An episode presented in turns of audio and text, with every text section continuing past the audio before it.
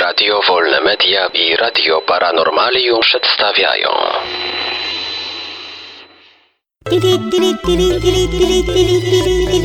Dziwne informacje.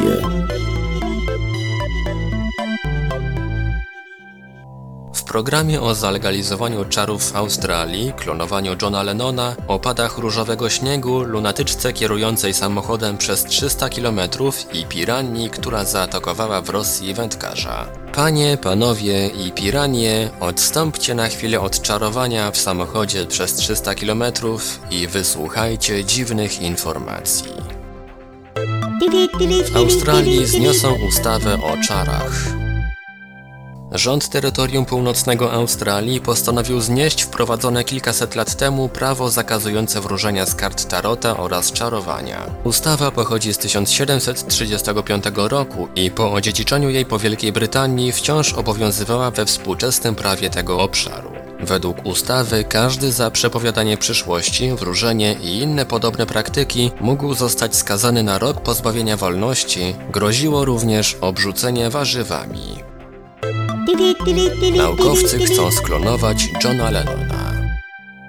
Pomysłodawcą sklonowania Johna Lennona jest kanadyjski dentysta Michael Zook, który napisał książkę o zębach znanych osobistości i posiada w swojej kolekcji sporą ilość zębów sławnych ludzi.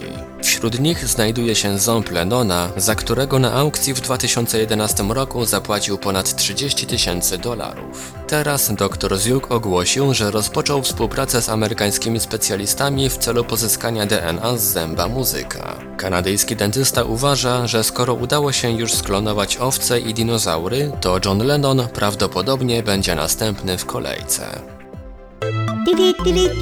W sierpniu spadł różowy śnieg. Mieszkańcy Karagandy w Kazachstanie byli świadkami niezwykłych opadów. 13 sierpnia po godzinie 10 rozpoczęły się opady różowego śniegu.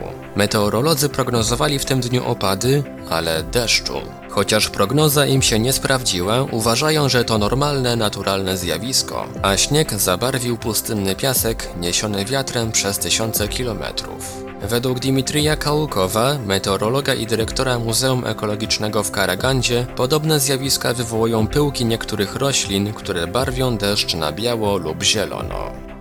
Przejechała 300 kilometrów śpiąc za kierownicą.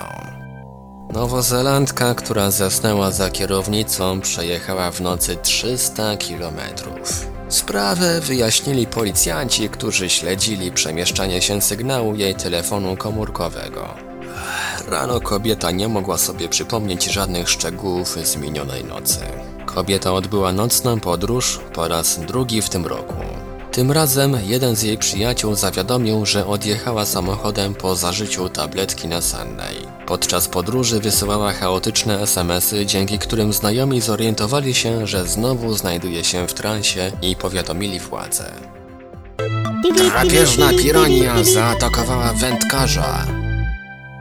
Grigori Kuryłkin, mieszkaniec Rostowa nad Donem w Rosji, został poważnie ranny podczas połowów. Kiedy stał po kolana w wodzie i łowił ryby, nagle zaatakowała go pirania! Ryba chwyciła go ostrymi zębami za nogę, odgryzła kawałek mięsa i pozostawiła głęboką, prawie do samej kości, obficie krwawiącą ranę.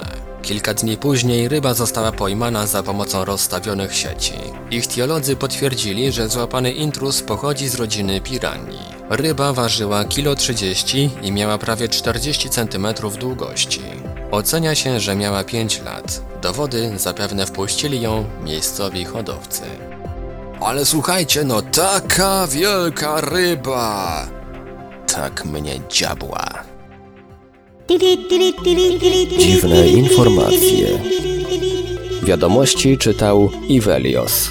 Wybór informacji i montaż Maurycy Hawranek. Podkład muzyczny Protologic. Produkcja Radio Wolne Media i Radio Paranormalium.